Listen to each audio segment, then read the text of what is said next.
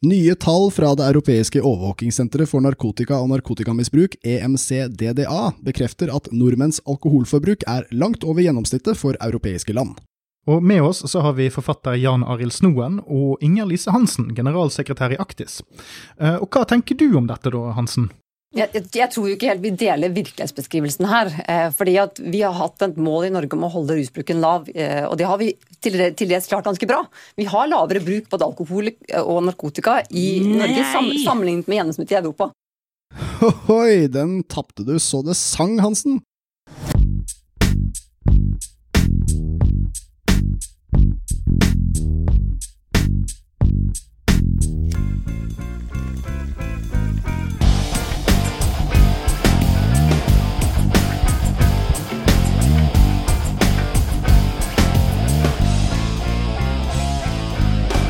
Yes, yes, yes, alle sammen. Velkommen til en ny episode av Podcast om rus. Jeg er deres høstmørke vert, Bøffert. Og jeg er deres uh, julelyse venn Per Ståle Honning. Bless you, sir. Jepp, vi er tilbake, baby. Det halter litt grann om dagen. Vi har masse å drive med, og sånn er nå denne samtiden vi lever i. Vi er direkte inne fra den eh, mørkeste sesongen på året på mange vis. Det er eh, senhøst, det er fint lite snø, og det er overdosebølge i Oslo. Politisk er det også kaos, vet du. Det er gode tider for, eh, ja, for podcastere som driver med rus. Og driver og snakker om rus. driver med rus. Podcast. Ja, nei, åssen står det til, eh, PS? Nei, det er det samme gamle. Nå har jeg eh, blitt så A4 at jeg kjente genuin glede ved å ha fått ryddet i loftsboden. Jeg. Oh. Det har fått gitt vekk litt ting på Finn, og det var bare en utrolig sånn lykkerus jeg fikk av det. Det, det, den er bra. ass. Stått og lempet i kasser, masse gamle DVD-er som jeg ikke, fremdeles ikke har kastet, men jeg har organisert de veldig fint, sånn at de, de ikke crowder spacen og sånt. Det er nydelig. Det å ha en ryddig bod føler jeg burde være liksom Det burde erklære at du er en ryddig fyr. Så hvis de skal vurdere om de skal ha razzia hos deg for rusbruk eller noe, kunne du sjekke av boden. Folk har ryddig bod, de er ikke junkies. Og for så vidt, hvis det er noen der ute som har lyst på en signert uh, DVD mm. med Teenage Mutant Ninja Turtles fra 1990, så er det bare å gi en shout-out. Podcast om rus er gmail.com. uh, den er jo ikke Den er signert av meg, da. Den er jo ikke signert av noen som er involvert i produksjonen, men jeg tenker at uh, jeg er nok den, den med høyest profil av alle sammen Ja. der den dag i dag. Ingen Turtles har jeg altså signert, men det har PS gjort. Eh, Donatello er spilt av Leif Tilden. Å ja. Ja, men Den vet jeg ikke hvem er, men uh, Nei, men han høres veldig norsk ut, sant? Er han ikke det? Hvem vet? Ingen, ingen har sett Leif verken før eller siden. Ah, nydelig. Nei, men uh, utover uh, kule skilpadder som henger i kloakken, så er det selvfølgelig også mye spennende som skjer i norsk ruspolitikk. Men mye av det som havner i kloakken òg, til slutt. det er der det hører hjemme, i hvert fall. Vi har fortsatt en justisminister som ikke vil si unnskyld for politiets overgrep mot rusbrukere. Vi har en leder av justiskomiteen som heter Per-Willy Amundsen, eh, som vil legalisere denne maktbruken. Og så har vi jo gode gamle NMPF, da, som fortsatt driver med både politiske foredrag på skoler og kampanjer i lokalmedia. Ja, altså, Det er jo litt artig at deler av det politiske og maktmisbrukende Norge fremdeles lever Fremdeles party like it's eh, 2016. ja. Ja, vet du hva, det handler jo stort sett bare om å, å glemme alt av, eh, av lovbrudd eh, som kunne ført til konsekvenser, men det gjør det jo aldri. Men de skal jo ha det Frp at akkurat når du tror at idiotien har lagt seg, så er Per der og drar frem viljen sin igjen. Ja da, og vi har alltid en liten PWA som kan komme inn. Eh, han, I den siste artikkelen eh, som jeg burde visst hvor står, eh, så sier han også, han blir spurt av journalisten, ja, men tror du ikke på at politiet har drevet med masse maktovergrep mot rusbrukere? Og så sier han, nei, det, det virker ikke sannsynlig at noe så grovt ikke ble oppdaget. Det kan ikke pågå så lenge uten å bli oppdaget, da er det rett og slett ikke sant. Ja, Det, den er fin. men det, altså han, Er vi sikre på at det var det han sa? For Hvis vi ser for oss at Per-Willy Amundsen sa at eh, dersom dette hadde pågått, så skulle man trodd at jeg hadde lest det, så ville den naturlige forklaringen vært at eh, lese- og skrivekunnskapene med hans er jo Det står jo ikke akkurat til laud, Ja, selv om han er jurist, jeg kjenner. Eh, jo, han er jo det. Han kunne ikke hatt den jobben ellers. Eh, jeg føler, eh, kunne eksempel spurt han Per-Willy, vet du at det finnes en ruspodcast som har holdt på siden 2014, og han nevnte deg sikkert 100 ganger? Nei, jeg tror nok jeg ville fått med meg noe sånt hvis noe så grovt hadde funnet sted i så lang tid. Altså. Per-Willy, er du, er- hva, hva, hva syns du om at konen din er gravid med en annen mann? Nei, men hvis noe sånt hadde foregått, så hadde jeg jo sikkert hørt om det. Ja, så, så da er det bare ikke reelt, rett og slett. For en deilig virkelighetsforståelse. Jeg skulle ønske jeg hadde litt av den. Eh, Alt jeg ikke har oppdaget, er rett og slett ikke sant. Særlig hvis det er grovt. Eh, For det hadde jeg fått med meg. Mm. Jorden er runde, Per-Willy? Nei, det Jeg har ikke vært i verdensrommet, jeg har I, ikke sett det. I Atlas-boka jeg hadde da jeg vokste opp, den, var- da var jorden flat. Ja, det var ikke, var ikke en ball med papir. Nei, har du noen gang sett en ball med papir som du kan lese? At han er flat earther, det er eh, herved en hypotese. Ja, Unnskyld til alle som er født nord for uh, Trondheim. Ja, beklager også til alle flat earthers for at vi putter Per-Willy i deres bås. Eh, Det er jo selvfølgelig også en æreskrenkelse. Dere fortjener bedre. Ja, og apropos æreskrenkelser, andre ting som har dukket opp, men ble oppdaget, selv om det foregikk i noe tid, det er det ene temaet vi skal snakke om i dag. Det har nemlig vært en plakataksjon eh, som har medført en siktelse. Nå blir det altså rettssak her. Eh, det er en eh, aksjon der det har vært hengt opp plakater av to sentrale NRPF-ledere. Vi snakker leder og nestleder, Jan Erik Bresil og Geir Evanger, som begge har fått plakater med sitt ansikt klistret rundt i Oslo sentrum. Eh, hvor det også refereres til at eh, ja, Geir Goggen Evanger eh, har smuglet narkotika inn i Norge, og at Bresil utgir seg for å være politi. Dette er jo da en, en æreskrenkelse, mener de.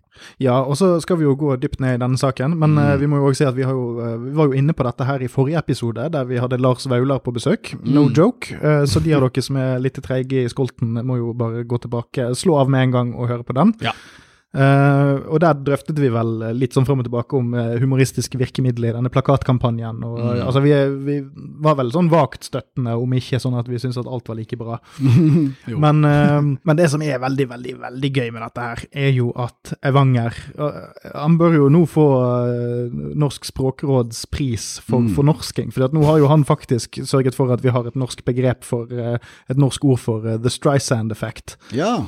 Og for de av dere som ikke har hørt om det, så er det veldig veldig kort og enkelt at det Mm. var en det var, Jeg tror det var en bok, eller en eller annen sånn her Å, California Homes, eller et eller annet sånt Ja. som handlet om beachfront property, og de tok bilder av ting og sånt. Og da fikk Barbara Streisand med seg at hennes hjem var avbildet. Ikke med, ikke med navn eller noe sånt, men bare at det var der. Ja. Så, men det, og dette er en del av liksom kysten i California.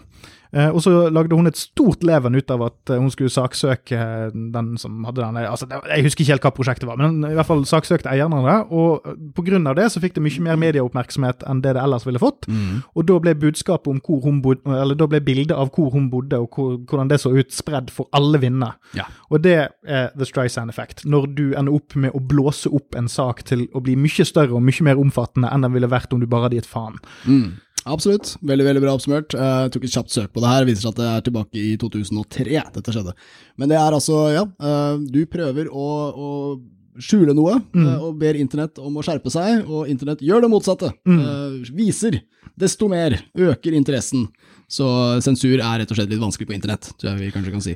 Her er det jo da ikke på internett det foregår, eh, selv om eh, Evanger gjerne skulle sensurert internett òg, trolig. Mm. Men her er det altså ute, ute blant folk. Det som er gøy, som du nevner med denne effekten, det er jo at de, de mener jo det som står på plakatene er, er feil, og ikke burde deles, og sånne ting. Men så må jo media snakke om denne saken, da. Mm. Og da må man jo på en eller annen måte informere offentligheten om hva det er disse plakatene gjelder. Så da blir det fort en liten oppsummering av alt det kjipe som Ja. de har gjort. Ja, og hva er det som er på de plakatene? Ja, nei, vi må jo nesten få dem opp her. Altså, det, det er, eh, Hvis vi tar eh, Evangers plakat først. Der står det Geir Goggen Evanger, som allerede er litt morsomt. Et kallenavn han trolig aldri har gitt seg selv.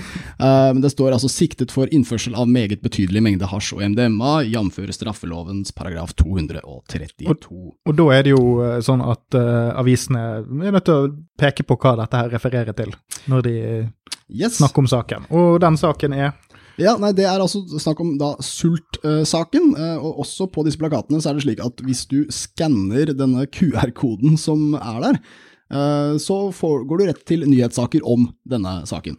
Men i uh, aviser som f.eks. Rett24, så har jo da journalist, der heter han Kjetil Kolsrud, har da oppsummert at QR-koden ledet til en artikkel om saken der 50 kilo cannabis og 20 kilo MDMA ble innført fra Nederland til Norge. Der ble altså tre av de tiltalte frikjent på grunnlag av politiprovokasjon. Da hadde altså politiet fått dem til å smugle i narkotika i så stor grad at det ikke var straffbart, for det hadde ikke skjedd hvis ikke politiet hadde yeah. initiert det. entrapment. Ja, og der var det også sånn at eh, i hvert fall MDMA-en, tror de også hasjen, ble spredd på det svarte markedet. Politiet mistet kontroll over den etter at den ble innført. Og så var det en sak om det, hvor da disse personene ble frikjent. Og da var det Geir Evanger som prosederte på vegne av statsadvokatembetet, og blant annet uttalte at ja ja, nei men sånn skjer. Altså, vi, vi, vi mista noe dop på markedet, ja ja. Kan ikke lage omelett uten å, uten å innføre strutseegg. Nei, ikke sant. Er ikke ideelt kanskje, men eh, herregud, det er litt, litt dop her, litt dop der. Uh, en veldig interessant uttalelse med tanke på hans posisjon som nestleder i NMPF, der de er veldig opptatt av at alle skal tas, alle brukere, vi må jo stoppe Vi må ta bakmennene, ikke sant. Her er jo politiet bakmannen. Ja, altså, jeg, jeg, vil jo bare oppfordre Geir Evanger til å be, bekjempe ild med ild, og begynne å henge opp sine egne plakater uh, av denne advokaten som har uh, da utsatt han for bakvaskelse, eller hva enn det kalles. Besmirched. Be, besmirched i offentligheten, og der kunne han hatt en sånn QR-kode som leder til Istedenfor rett 24, så kan det være ledet til feil 24. ja, det, hans nye sted. For nyhetene der alt bare er feil. Som ville passet veldig godt med den politiske plattformen han har valgt å støtte. Feil 24 er et prosjekt fra NPF. Uh, eh, ja, men det, det, kan godt hende det blir utfallet. Altså, for per i dag så er det jo ikke sikkert at det er ulovlig å gjøre dette. Det er det retten skal ta stilling til. Uh, så hvis det er sånn at uh, denne personen ikke blir dømt, så kan det hende at det blir neste utfall. At NPF henger opp hans plakater av han. det hadde jo blitt en artig utvikling, i så fall. Jo, og det er vel det at Evanger mener at dette er et forsøk på å true han til stillhet. Ja, det kan man jo tenke litt høyt om. fordi ja, jeg, vil, jeg ville jo funnet det ganske ubehagelig om det hang plakater av meg rundt omkring. Mm. Eh, for eh, hva enn. Sånn, å, Per Ståle Honning, ekstremt glad i, i tysk listepop fra 80-tallet. Mm. sant? Men uh, Modern talking, best han vet. Ja. Men, men uh, det, det ville jo i så fall vært i, som en slags parodi på uh, hva jeg har frontet av musikksmak ellers i livet, så jeg kunne jo kanskje levd med det. det hadde jo vært verre om man fikk sånne ting i postkassen, f.eks. Altså sånn det der at du føler at du blir du blir singlet ut personlig, men dette har jo bare vært en opplysningskampanje ute ute i det blå. Ja, nei, ja. Så, så, sånn, ja, kan det være ubehagelig? Det kan man jo si, men det er jo direkte knyttet til ting som han og andre har hatt befatning med. Ja. Uh, så du kan ikke si at det er Altså, det er jo satire, og du kan drive og snakke mye fram og tilbake om det er god, dårlig, god eller dårlig satire, mm. men å si at det er truet for at, altså, da, da, blir det jo det at dette blir plukket opp på nytt på nytt, en enorm erstatningssak, ja. for eksempel. Og så, potensielt, da, for hvis dette nå blir noe omtalt i masse, masse, masse, masse, masse medier, mm. så må jo han da ta og si dette her, nå har dere, nå har dere gjort at mitt ry er elendig, og du har truet meg til taushet, og dra de inn for retten òg. Mm. Så mm. jeg mm. Hvis det er sant i det ene tilfellet, så må jo alle de andre som, som leker med det etterpå, òg straffeforfølges. Mm. Ja, det må jeg si meg helt enig i. Og det er jo Nå er ikke dette podkast om jus eh, enda, bare gi oss noen tiår. Det, er sånn sakte, det er sånn sakte evolusjon. Ja da, det går, går, seg til. Men jeg vet f.eks. ikke da om Jeg strøyk på nasking. på NPF-kurset. Ja. Men nei, det er Det vi ikke vet, er på en måte altså, det, er ikke, det er ikke usant, det som står. Så det er spørsmålet om det på en måte betyr noe. Denne personen som er sikta, som du var inne på, det er da en eksadvokat. Jeg føler det er relevant å nevne at den tiltalte, og han har faktisk blitt tiltalt, det er en ganske mm. høytstående sak han har altså mistet bevilgningen sin som advokat etter å ha blitt tatt med rusmidler for eget forbruk. Mm. Så det er altså litt sånn relevant her. Uh, men det han er tiltalt for, det er altså for ved skremmende eller plagsom opptreden eller annen hensynsløs atferd å ha krenket en annens fred. Og det er, ja. Formuleringen med egen fred og sånn, den den er litt artig. Høres ut som noen som bråker med gressklipperen på søndag, på en måte, men egentlig er det da hans eh, privatlivets fred-type mm. greier. Og må jo nevne også at Geir Evanger nylig var med på et NRK-program som heter Uenig, eller Ueinig, mm. uh, med, mot uh, leder av Rio, uh, Kenneth Alexander Johansen, hvor han også da stilte opp som en offentlig person. Da stilte han opp som NMPF-nestleder, mener jeg, men også litt sånn i begge roller. Uh, I dette tilfellet så er det hans arbeid som uh, statsadvokat som mm. er uh, påpekt. Og der er han kanskje desto mer en slags offentlig person. Altså ja. Der er jo han i avisa hele tida. Han har jo den rollen. Han har jo prosedert på statens vegne. Ja, og han har blitt en offentlig person gjennom at disse politisakene har blitt rullet opp. Mm. Altså, du kan, ikke, du kan, ikke, på den ene siden engasjere deg i det offentlige mm. utenfor arbeidsplassen, og så på den andre siden si at nei, nå vil du ikke mer. Mm. Altså, da, da får du enten trekke deg, fordi at du ikke liker the heat, mm -hmm. uh, eller så får du ta kampen på det ideologiske planet. Ja. Altså med debatt. Yes. Dette er, du kan jo si at dette er useriøst og at det er barnslig og alt mulig sånt. Ja, ja, det er greit det, men ytringsfrihet handler jo om retten til å være barnslig noen ganger. Mm. Og er det, er det, sånn at du skal Hvis dette hadde vært en sketsj på TV, det er veldig få folk som stopper opp og leser plakat i Oslo. Det Ja. vet jeg. Ja, ja. Altså, altså Selv om det er effektivt å henge opp plakater, hvis det er en konsert eller noe sånt, så er det forsvinnende lite informasjonsdeling av eh, vesentlig art som foregår på, på Oslos gate. ja. Folk, Folk og- stopper ikke opp og leser grundig. Nei, og, og hvis dette hadde vært en sketsj La oss ja, jeg har nevnt Nytt på nytt, eller en sånn, et sånt innslag der. Så hadde, hadde en million nordmenn sett det og hørt det, men hvor mange av de ville festet seg ved det? Sant? Og dette her er basically det samme. Det er bare et spørsmål om eh, grad av, eh, av eh, humoristisk virkemiddel og hvor åpenbart det er. Men, men det han er nødt til å argumentere for i retten, er at dette her er så seriøst, Ja. og så at, at, at det står i fare for å bli tatt på alvor. Og det betyr jo at uh, de tingene som står der, må være feilaktige. Eh, og da blir det bare en sånn knoting på om han faktisk er tiltalt for å ha gjort dette, eller om det er greit å kødde med det humoristisk, uh, med humorist, humoristiske virkemidler og si at han er det. For han har jo faktisk gjort det. Ja. Han har vært medvirket til det som står der. Ja, ja, ingen kan bestride det, men Nei. jeg. Nei, sånn sett er det jo veldig morsomt at altså, Litt sånn som med Nå har jeg snakka om graffiti tusen ganger på denne podkasten, men, men litt sånn som med saker om graffiti, hvis vi skal dekke det i media, så er det litt sånn sentralt å ha med bildet av graffitien. Men da promoterer du også graffitien, så da har du et litt sånn uh, dilemma. Skal vi ha null bilder, eller skal vi ha et annet bilde? Uh, og nyhetssakene som har skrevet om denne plakatkampanjen, har jo selvfølgelig hatt bilde av plakatene. Så hvis det skulle vise seg at det er ulovlig å spre disse uh, når dommen da kommer, så vil jo da kanskje de måtte redigere artiklene sine, eller møte et nytt søksmål. Det er i hvert fall veldig avbildet og delt i høy grad, disse plakatene, som følge av av mediedekningen. Og Der har de også måttet gå inn på sakene som nevnes. Der er det altså NMPF-skandalen, og det er eh, Sult-aksjonen, som vi nå nevnte. Men også dette med knulletorsdag, Ja. eh, som var et ganske komisk begrep eh, som dukket opp i, i forbindelse med politiet. skolen, Oppvarmingen til tacofredag. Men det er viktig å ha knulletorsdag før tacofredag. Vi er det sultne etterpå. Ja, ja, og sånn hygiene og Ja, hygiene. Ja, det rekkefølgen er Ja. viktig. Enig.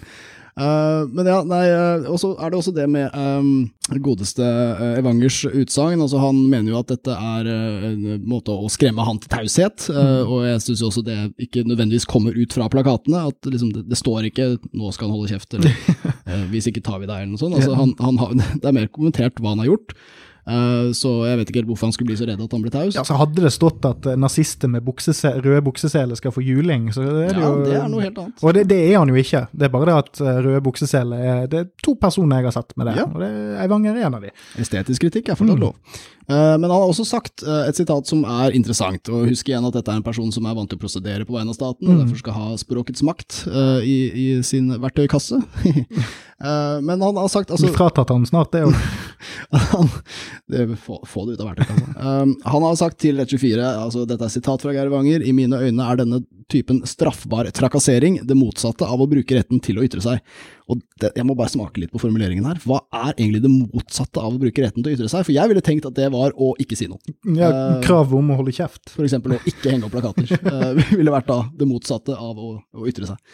Eh, men eh, ja, selv om det er en hatefull ytring, selv om det er en av disse ytringene som er eh, ulovlige, da, selv om vi har ytringsfrihet, så er det ikke det motsatte likevel. Ja. Altså, det er, ja. Dette kom jo da etter at eh, politiet henla anmeldelsen til Sumaya Jirde Ali Ja. eh, om eh, Atle Antonsen sin atferd. ja, den tar vi med. Ja, eh, og, og vi skal jo ikke gå så dypt ned i den, men der er det jo snakk om, om konkrete eh, uttalelser om hudfarge og retten til å oppholde seg et sted, kombinert med truende atferd. Ja.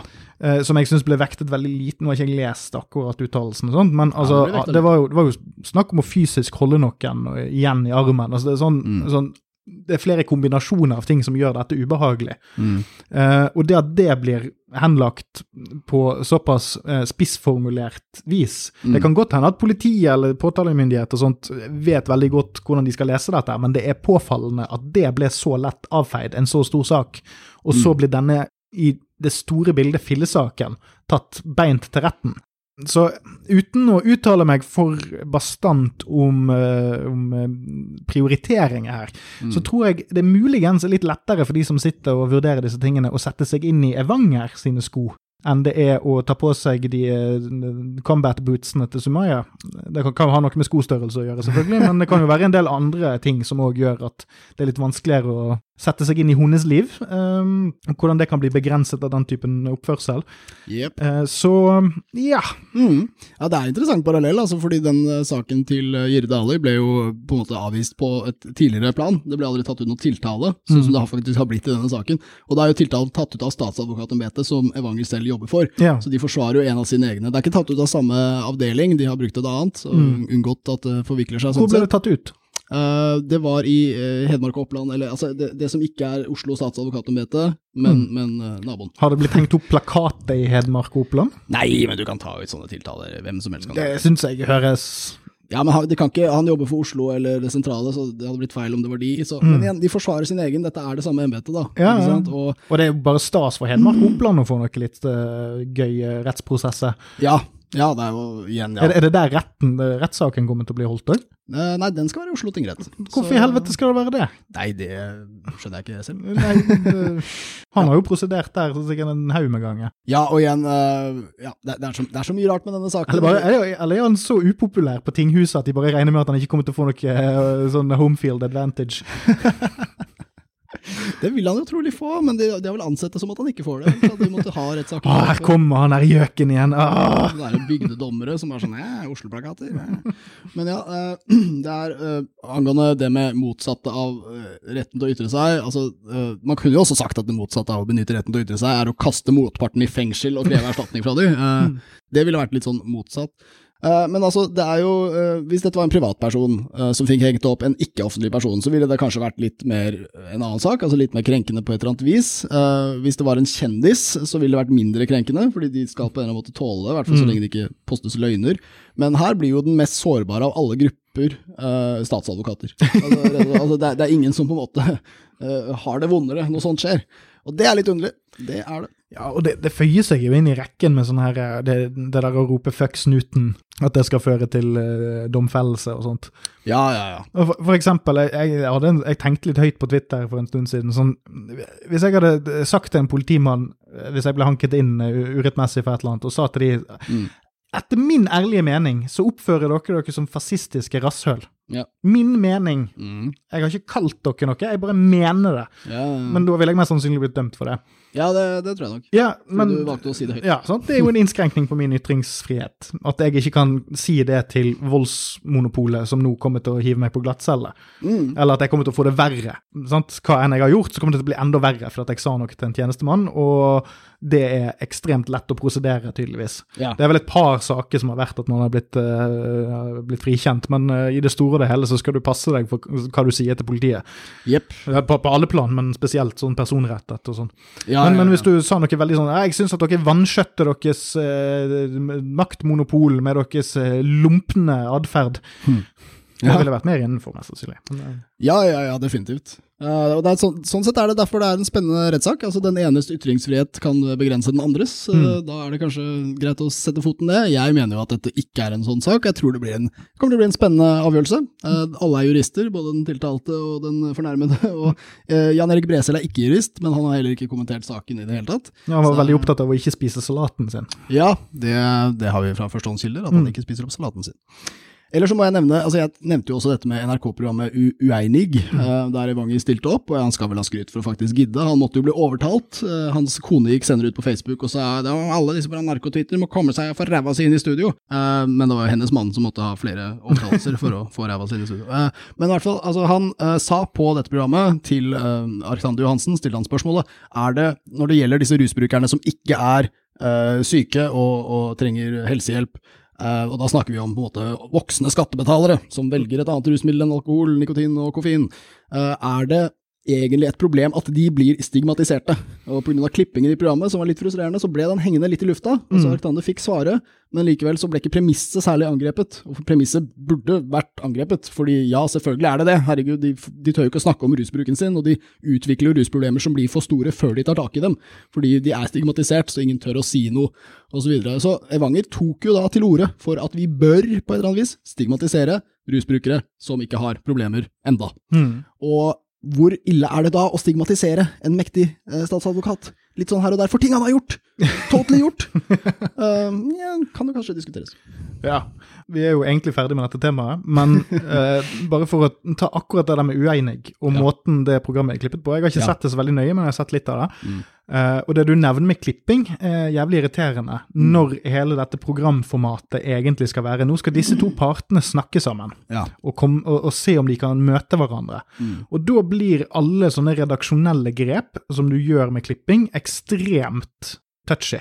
Mm. Eh, jeg har nå, jeg skal ikke skryte på meg noe, men jeg har nå redigert noen, uh, noen titalls timer med lyd i mitt liv. Noen ganger med folk jeg ikke kjenner. Ja. Og det man blir veldig veldig var på når man gjør det, er hvordan man endrer folk sin personlighet hvis du ikke gir nok pusterom, hvis du ikke, hvis du ikke lar folk liksom være seg sjøl i editen. Så jeg ville tenkt at når du først legger opp til et sånt program som det der, så burde de faen meg ta og legge ut hele samtalen. Ja, jeg er enig. På, på nett, i hvert fall. Ja, i hvert fall så lenge alle samtykker til det, og hvis ikke de samtykker, så kunne det blitt en greie. Ja, de kan klippe vekk at de hoster og sånne ting, men, men at de får snakke ut. Ja, for jeg er helt enig, for det, det Wanger gjør her, er at han kommer jo med et, eh, et premiss som Mm. er helt på jordet, og man må jo svare på det, så det er høflig å på en måte svare på spørsmålet, men neste del blir jo å si det spørsmålet du stiller er helt fucka. Det kom ikke med. Så hvis noen hadde spurt deg har du sluttet å slå kona di ennå, Eh, så, Mm. så måtte du på en måte svart eh, nei, det har jeg ikke, for jeg har aldri slått henne i det hele tatt. Og så, og så får du ikke lov. altså Så blir det kutta der. Mm. Så får ikke du lov å påpeke at det er egentlig ganske fucka at du spør om det. Det avslører ganske mye, det. Men igjen, uh, NRK de har, uh, for å komme med litt kritikk til de, NRK har bare ikke tid lenger de, til å være formidlere. De driver og tar opp masse avanserte temaer hele tida, og så har de bare egentlig ikke tid i det formatet de bruker. Ja, de har blitt uh, faktisk uforskammet tabloide. Ja, jeg er uhyre skuffet over det. Er det én medieleverandør som har premissene på, på stell til å unngå det, så er det NRK. Og de, eh, gang på gang, de, de mener ingenting om kultur lenger. De sier ingenting er bra eller dårlig. Og samtidig så skal de snakke om ting, komme til dybden i det, eh, komme til bunnen, whatever, og gjør det aldri. Altså, har ikke tid. Kutt, kutt, kutt. Og de burde ha tid. Eh, Det er folkeopplyseren. Ja, sånn Helene sjekker ut rusreform. Ja. ja. Å, å, er, det, å, er det sånn at de ikke skal bli straffa? ja. Men gud a meg, da. Ja, ikke sant? Men, men hva skal vi gjøre da, da? Skrape overflaten. Ja, men Det det tilnærmingen deres er faktisk i, i åtte av ti tilfeller så er det ikke sett i, Sett noen på til å snakke om dette som egentlig ikke har satt seg inn i det, og så skal de på en måte avsløre nyansene. Ja, ja, ja. Send, en- send en nisse som aldri har opplevd noe i livet, til å utforske de mest betente sakene i vår samtid. Og så skal vi se om det kommer noe interessant ut av det. Ja? Og så lar vi det bare henge i lufta. Vi rakk ikke alt i dag. Det det er så jævla sånn her, La oss sende Mr. Bean ut for å finne ut eh, hva, hva som er eh, meningen med transpersoner. Da får vi svarene vi trenger. Nei, så Dette blir en spennende rettssak, eh, folkens. Alle, alle er jurister på alle sider av benkene, og vi eh, kommer til å følge den videre. Den skal opp i Oslo tingrett 23. januar. Yes, eh, Så skal vi gå over til en annen sak som er litt mer knirkete, men igjen, dette er jo en knirkete podkast til tider når det kommer til ruspolitikk, og det er en, kanskje en grunn til at folk, ikke, folk flest ikke er sånn sykt gira på det. Det er jo nettopp at det er litt sånn eh, krøkkete til tider. Men det har rett og slett nok en gang blitt avslørt at rettsstaten vår har rammet eh, folk på rusfeltet. Nok en gang er det urett som er avdekket. I fjor ble det nemlig klart at politiet over lang tid hadde brukt uforholdsmessig mye makt og tvangsmidler overfor rusbrukere. Nå viser det seg at mange også har blitt sendt i fengsel på feil grunnlag. Eller folk blir i hvert fall trodd når de sier at folk blir sendt i fengsel på feil grunnlag. Ja, For dette er jo noe vi har snakket om i mange år. det er det. Her kan vi claime 'told you so', eh, som alle elsker å si. Vi har jo sagt det i hvert fall altså sju-åtte år, eller hva det er. Vi, vi har um, påpekt det, at eh, gang på gang i rusdebatten så blir det påpekt at folk sitter ikke i fengsel i Norge kun for bruk. Mm. Eh, ene gangen Arbeiderpartiet sa dette, så var de litt sånn snedig, for de sa ikke bruk og besittelse. Nei. Eh, Men når du bruker rusmidler, så har du ofte besittet dem òg, Mm. selv om det bare er til eget bruk. Men nå har det blitt avdekket at eh, ganske mange nordmenn har eh, måttet sone fordi de har hatt bøter. Eh, og disse bøtene de er jo veldig ofte fra narkotikabruk. Det er den vanligste. eh, Det har nå vært uttalelse fra politisk hold om at bøtesoning ikke er en greie. Ja, det Det er, nå husker jeg ikke hvem som sa det, men det er i rimelig nyere tid at noen har sagt det. Ja, nei, det, det stemmer. Men det er, altså, det er ikke bare narkotikabruk, for all del. Det finnes mange bøter å få. eh, men når vi snakker om overtredere som får flere og flere bøter, så er det kanskje vanligere at det er narkotikabrukere, enn at det er folk som liksom kjører for fort med bilen sin hele tiden. Mm. Eller hvem hvem er gjengangsforbryteren her, da? Um, så altså alle som, av de som har fått bøter, alle som har lønn eller lignende inntekter, de vil få inntekten beslaglagt av staten hvis de ikke betaler en bot.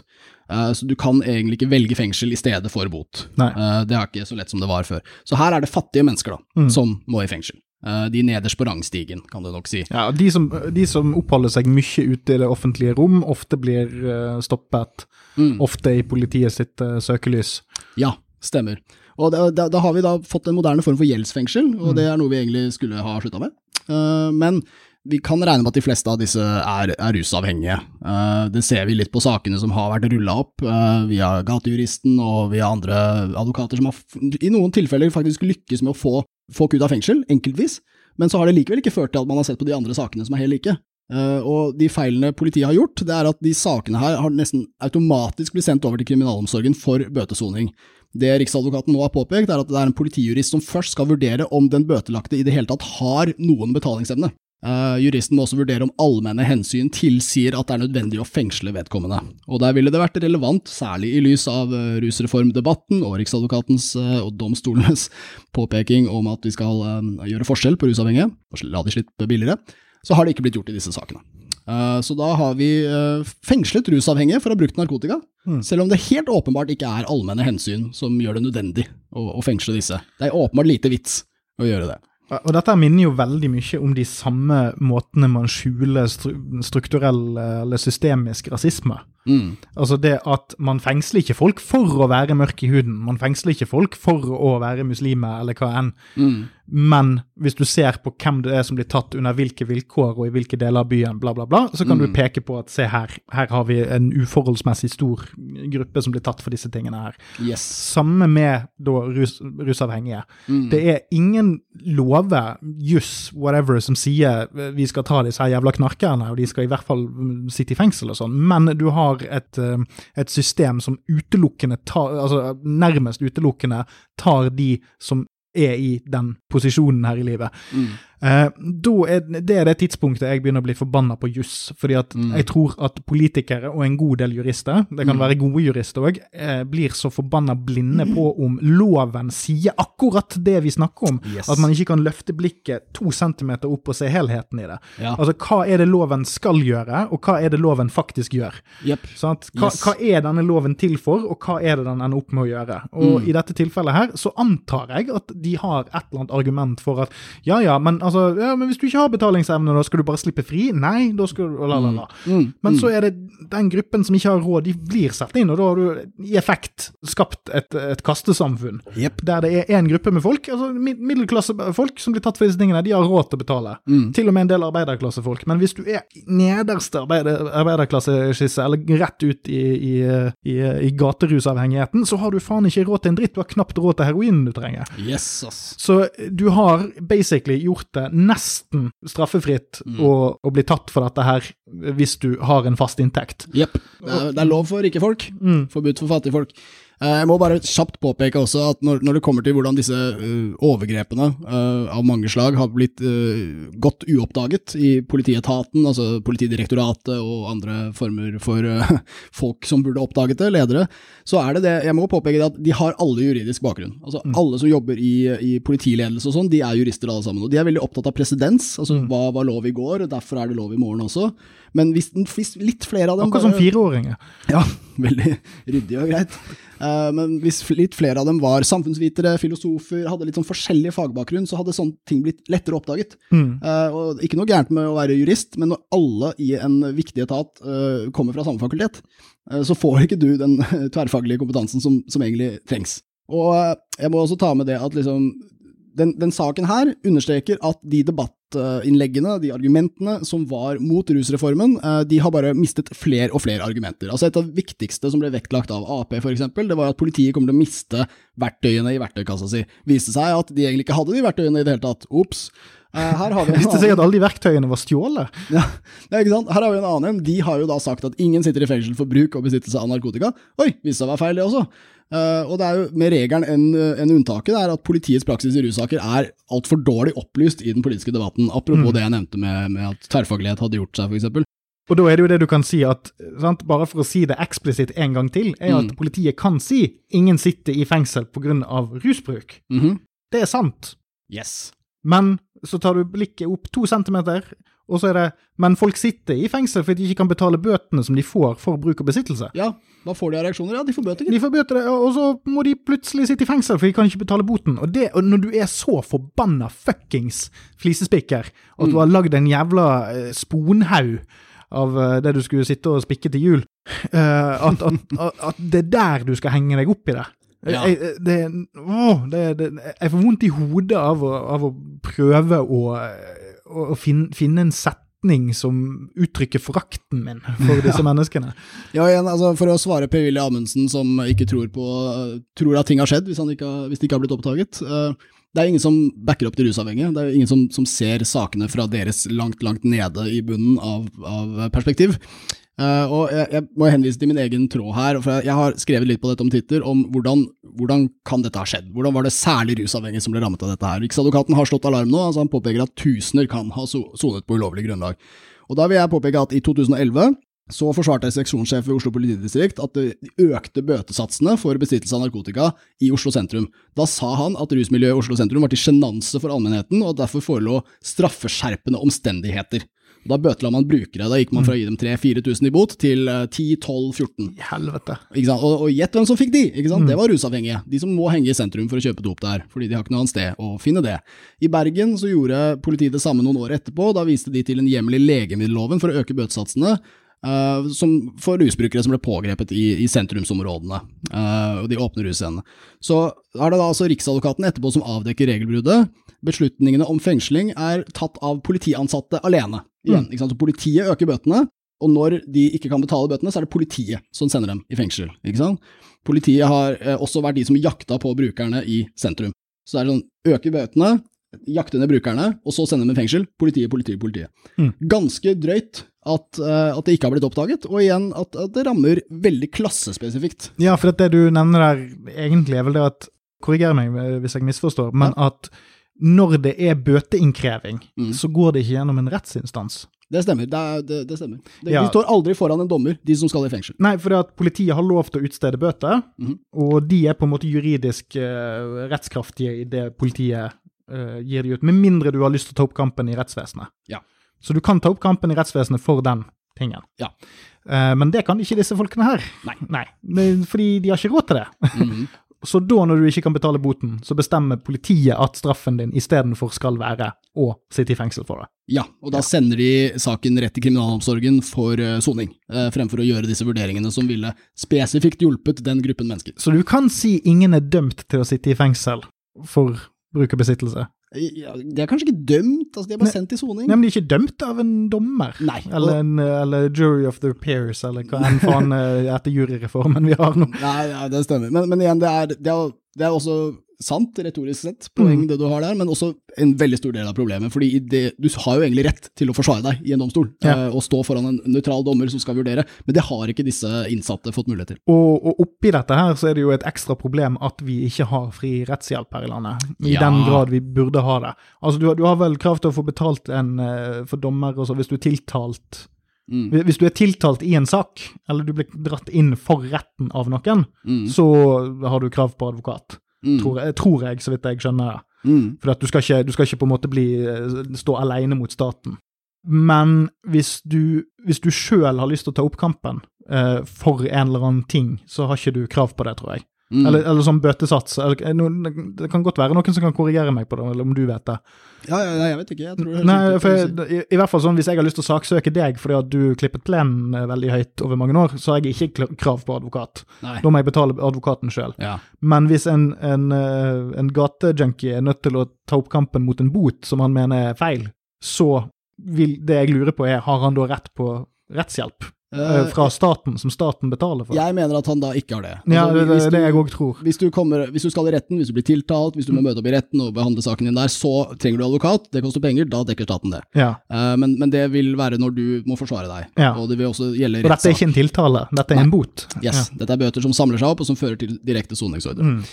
Uh, så det er, det er ganske ille. uh, men vi må også ta med en annen sak her. Uh, fordi vi føler disse henger litt grann sammen, eh, og jeg skal klare å linke det på en snedig måte. Altså, egentlig så har dette vært en sak som har gjeldt ganske mange typer lovbrudd. Eh, vi kan jo nevne klimaaktivister, som Mm. i det siste året har klaget en god del på at de har blitt nakenvisitert av politiet. Kan hende de har litt aktivisme oppi rasshølet. Ja, det hadde gjemt noe klimagreier, eller et hemmelig kart. Klimagasset. Ja. Eh, men ja, nei, eh, så politiet har i, på, det, det er da snakk om arrestasjoner. På glattcelle så skal politiet ikke uh, nakenvisitere en arrestant, med mindre det er reell fare for liv og helse, altså at de kan ha våpen, de kan ha narkotika oppi rumpa si, de kan ha lignende sånn. Men det som skjer ja, det, som, det som ser ut til å skje, og som også er ganske sannsynlig med tanke på at politifolk er mennesker, det er, at det er, de, det er de irriterende eh, som Mm. blir visitert litt ekstra. Det brukes som et disiplinærtiltak. Fra graffitimiljøet så kjenner jeg det samme, de hater taggere, da blir det litt ekstra nakensjekking der. Og dette foregår også i norske fengsler. Ja. Og, og der begynner det å bli interessant, for der kan du ha mennesker som kommer inn og ut, eller du kan ha pårørende eller besøkende da, som blir sjekka gang på gang på gang på gang. Alltid nakenstripping, hele, hele tida. Og dette er ikke lov, og det har jammen blitt oppdaget, gitt.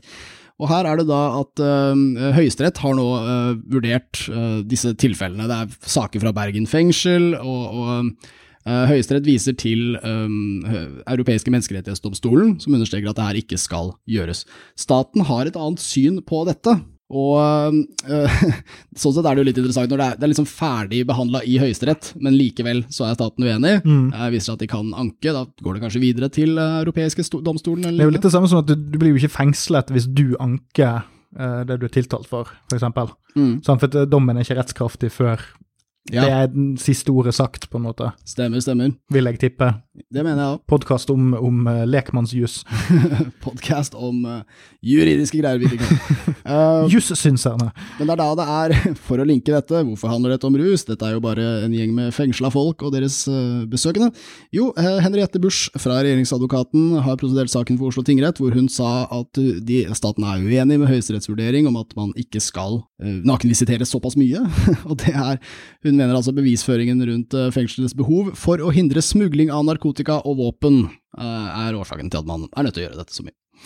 Så der, eh, der har vi det. Det handler jammen om narkotika igjen, gitt. Hvorfor skal politiet få lov å være jævlig drøy med folk? Fordi narkotika fins. Kunne man ikke f.eks. insistert på at man skulle sitte litt lenger fra hverandre i rommet, så at du ikke kunne snike inn noe?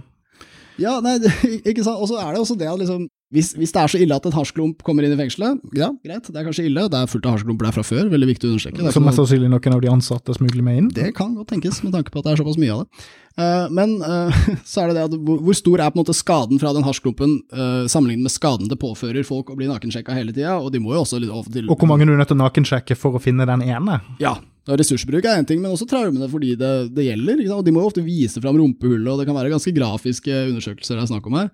Så ja, spørsmålet er jo egentlig om det hensynet staten legger til grunn her, da, om at narkotika, våpen, igjen våpen, seriøst, hvor store våpen kan du få opp i rumpa? Om det, om Har ikke du prøvd hardt nok, gutten min? Nei, det er jeg som er ny her.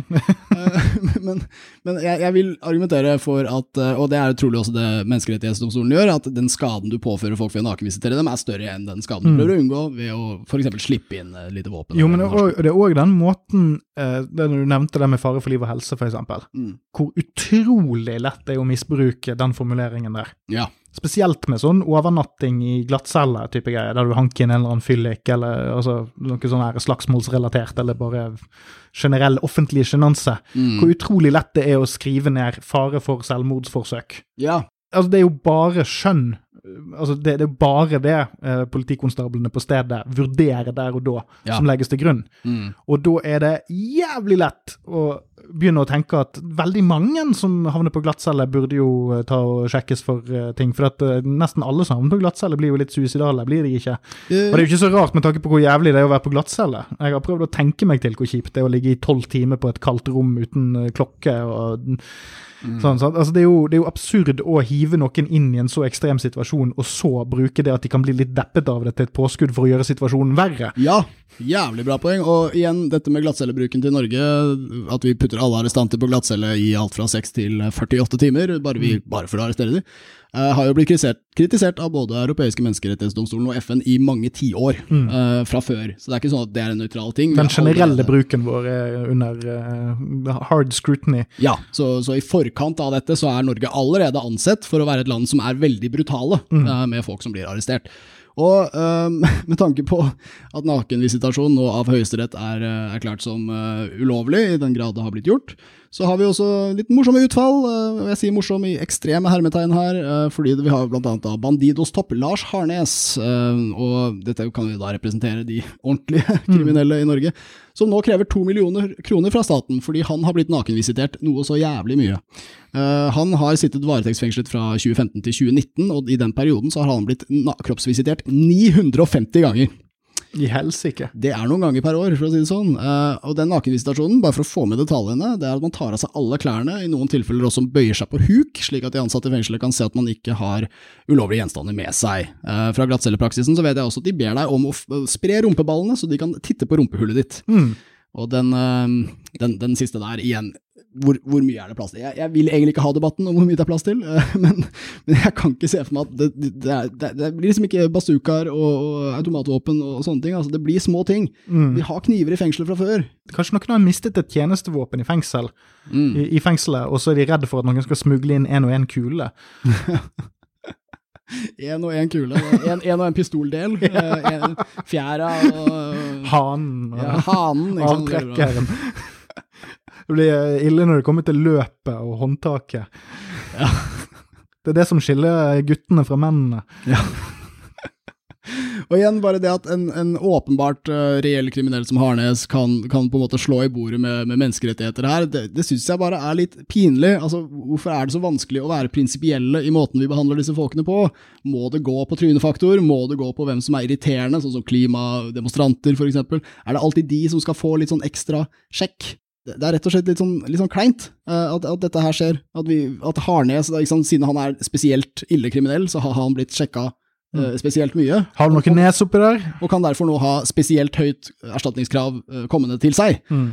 Så, så, hvis vi bare klarte å behandle det litt mer prinsipielt Og igjen, ingen sjekk. Ingen sjekker hvordan politiet behandler folk, ingen sjekker hvordan fengslene stripper folk. Det er først når det liksom lekker ut, og det blir en sak som følges opp, så oi, ja, det her har faen meg skjedd i ti år, ja.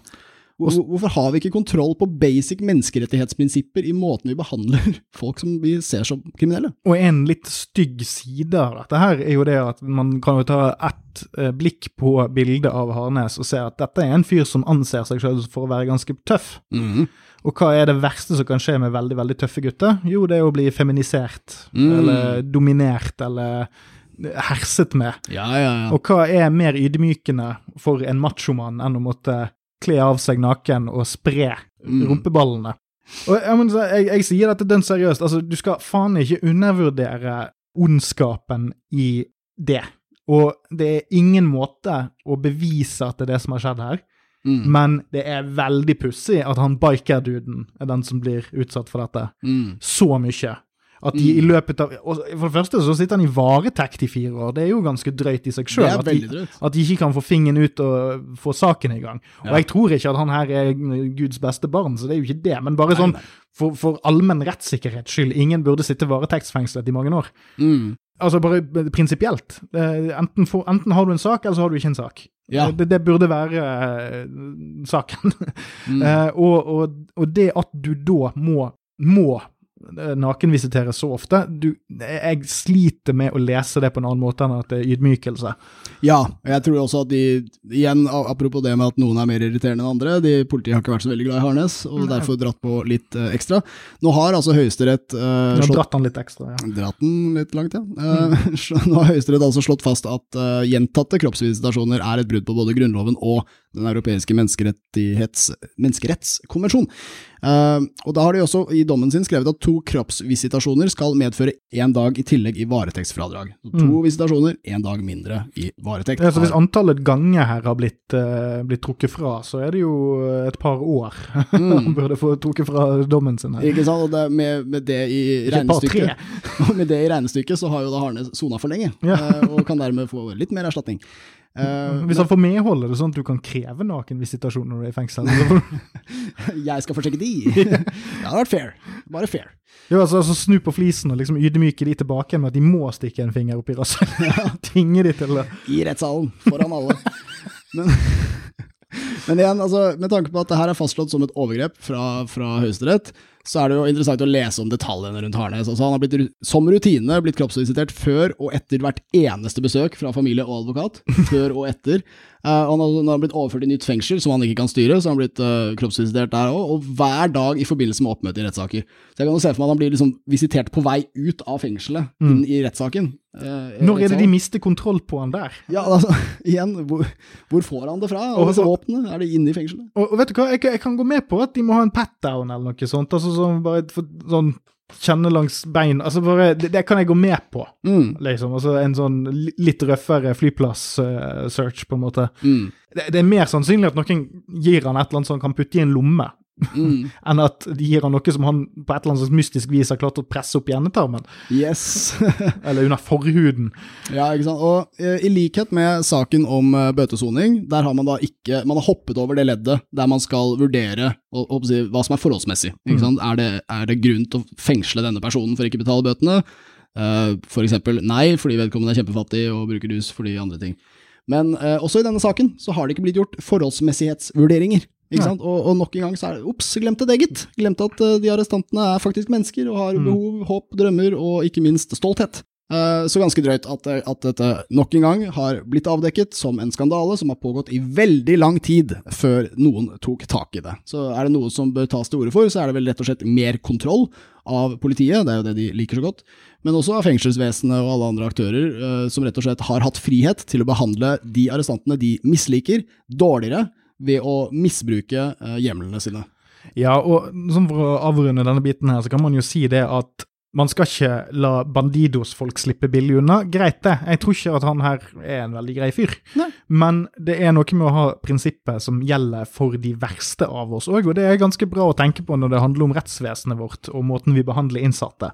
Ja. Altså, han fyren som er kjip og er, er sikkert voldelig og masse andre ting, uten at jeg kan noe om, uh, om hans uh, rulleblad, så er det liksom noen ting burde du kunne forvente å slippe. Yes. Altså, noen ting skal vi, hold, vi holde oss for gode til. Yes. Og det, jeg tenker det å nærme seg seksuell trakassering, Mm. fysisk og psykisk, Mm, det kan vi si. er Ja, det, det, ganske Jeg tror man kunne prosedert med det i retten, jeg. Eh, det, det er liksom Fuck det. Det var en morsom ting å prosedere på. Det er sånn, Dere syns han er deilig, gjør dere ikke? Det er, det er seksuelt, dette her. Dere vil se ham. Han er jo garantert noens king, kan duden der. når jeg Oi, oi, han. oi, Er du gæren? Såpass skal han få. Altså, Om det er én ting vi vet om det norske politiet, så er det at de er veldig veldig glad i, i machomenn. Så til Han ser, han, ser ikke, han ser ikke ut som han spiser troikasjokolade, han Harnes. Nei, nei, nei. Her er det new energy hele veien. Hadde han tatt noen andre veivalg i livet, så kunne han vært en politileder i dag. Yes. Nei, men der eh, tror jeg vi kanskje har uh, rappa det opp. Slappa en uh, bow on this puppy. Um, vi tenker vi kanskje skal rappe opp der. Det betyr dessverre at vi ikke fikk tid til deg, Jan Arild Snoen, men det ble da en fin sending likevel, ble det ikke det? I Norge sam samling Oi, ok. ja ja, den er grei. Vi får ta det med oss videre. Takk for i dag. Takk for i dag.